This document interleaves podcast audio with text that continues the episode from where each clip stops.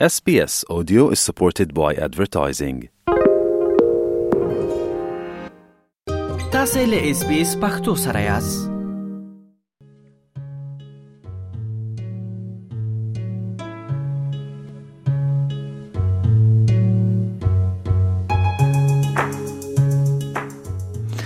د غږ ریفرندم د څه شی دی او ولې مونږ یې تر سره کوو آیا تاسو پوهیږئ چې د استرالیا په اساسي قانون کې د استرالیا بومي خلک یعنی ابریجنل او تورس سټیټ آیلندرز نه دی پیژندل شوی فدرالي حکومت د استرالیا لپاره د ټول پښتنه غوښتنه کړې ده تر څو پریکړه وکړي چې آیا دوی غواړي په اساسي قانون کې تعدیل راولي تر څو د بومي استرالیانو غږ په پارلمان کې شامل کړي نو رفرندم څه شی دی څوک په استرالیا کې د رای ورکولو وړ دي او پارلمان ته غږ شاملېدو مقصد څه دی په دې اړه تاسو یو مهم مطلب لرم او ریدو ته نه ما سره اوسئ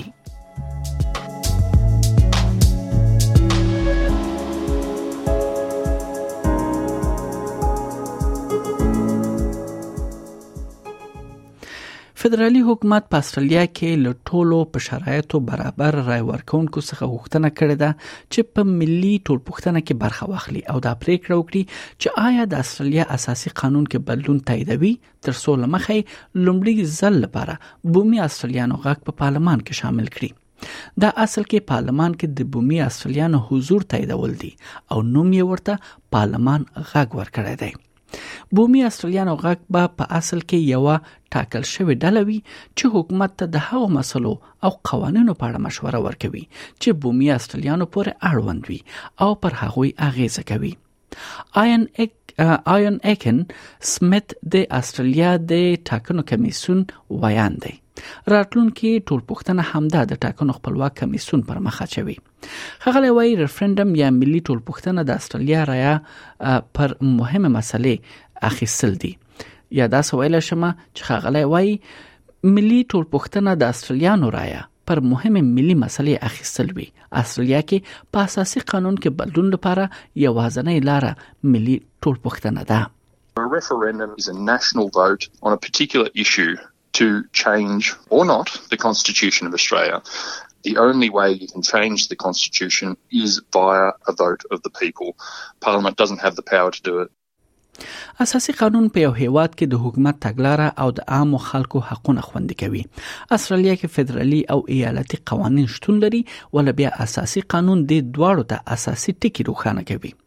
راتلونکي ټول پښتنه کې له خلکو دا پښتنه کیږي او له هغه څخه د هو یا نه جواب غوښتل کیږي پښتنه داسې ده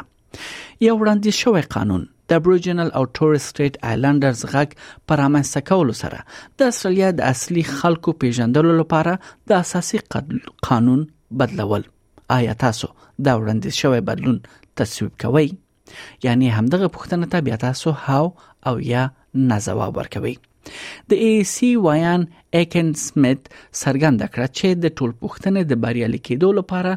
دوه ګونی اکثریت باید د هغې ملاتړ وکړي یعنی په استرالیا کې د نفوس ډیره برخه او که بیا د ایالتونو په کچه دا تقسیم شي نو لشپګو څخه سلور ایالتونه باید اکثریت رای ورکړي For a referendum to pass, it has to achieve a majority of yes votes nationally and a majority of yes votes in a majority of states. So at least four out of the six Australian states have to vote yes. The ACT and the NT still vote like every other Australian citizen. They're marking a yes or a no on their ballot paper. it counts towards the national majority only and not towards that second hurdle that a referendum has to pass. So territory votes still incredibly important to that national majority total.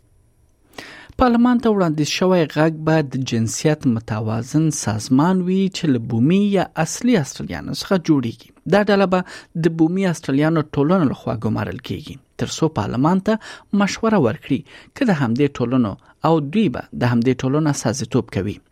پارلمان کې د بومي استرالیانو غږ ډله به په ټوله کې د مشورې ورکړې صلاحیت ولري یعنی یاد ډله دا صلاحیت نه لري چې د قوانینو تصویب ویټو پریکړې یا هم د هغوی تمویل وکړي پارلمان به په نورمال ډول خپل کار ته دوام ورکوي پروفیسور میګن ډیوس د کوبل کوبل خزه ده او د نیو ساوث ویلز پانتون کې د اساسي قانون رئیس ده هغه هغه په اساسي قانون کې د ابوریجنل او تورس سټریټ آیلندرز خلکو پیژندلو په اړه د متخصص پینل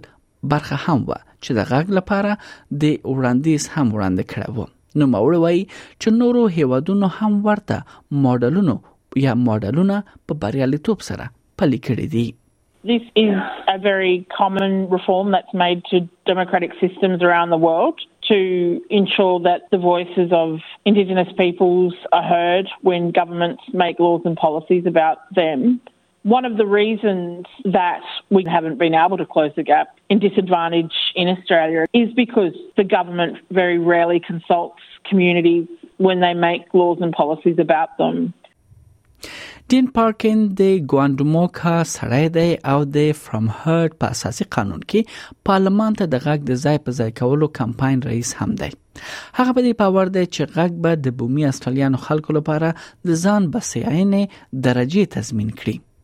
او په هغه کې به سره مرسته وکړي ځکه چې حکومتونه باید هغه خلکو ته غوږ ونیسي د کوم ټولنه چې لننګونو سره مخامخ دي او دوی خپل حالت باندې خپوهيږي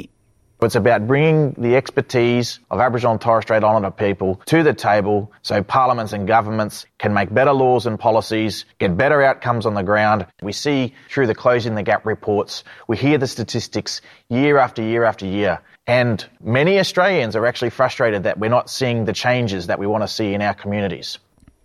د استرالیا بومي خلک هم مختلف سیاسي نظرونه لري ځینې د غږ لپاره وړاندیز سره موافق نه دي په دې کې مشهور ځایي سیاستوال شامل دي د شمالي سیمې لیبرال سناتور جسنټا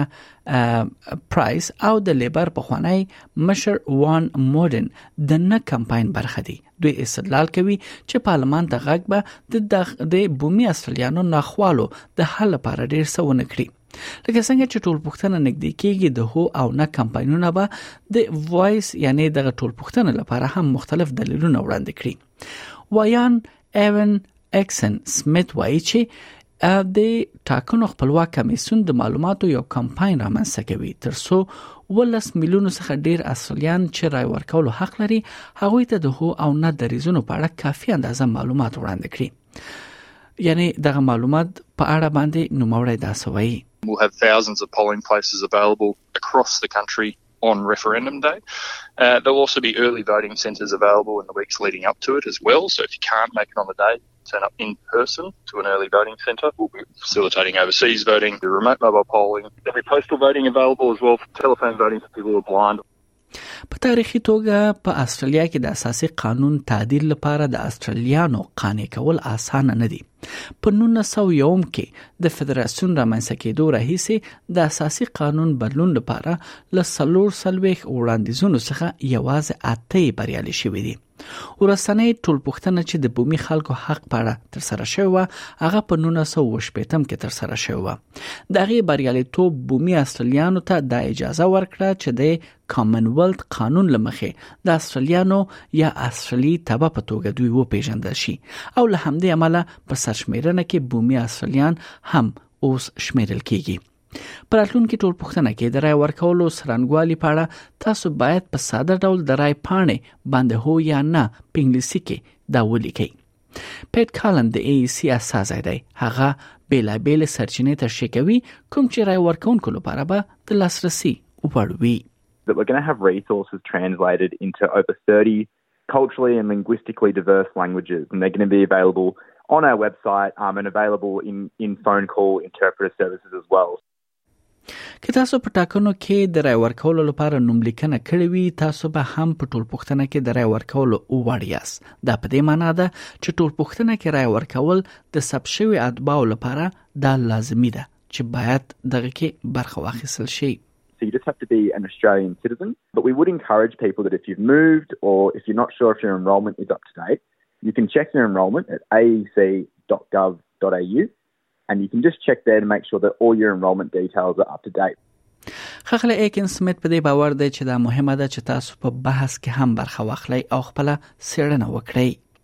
really think about the topic. That's what differs for a referendum. You're not thinking about candidates who you might want to elect. You're thinking about the issue. So carefully do your research. Think about whether you want to vote yes or no,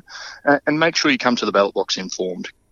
او بل خو دا هم مهمه ده چې په دې باندې پوه شي چې د هر پایلې ډېرې دي. It's really important to have your say, whichever way you vote. At the AEC, we don't care how people vote. All we care is that people do vote. And it's a really special thing being able to have your say on that. So we really encourage people to take that seriously.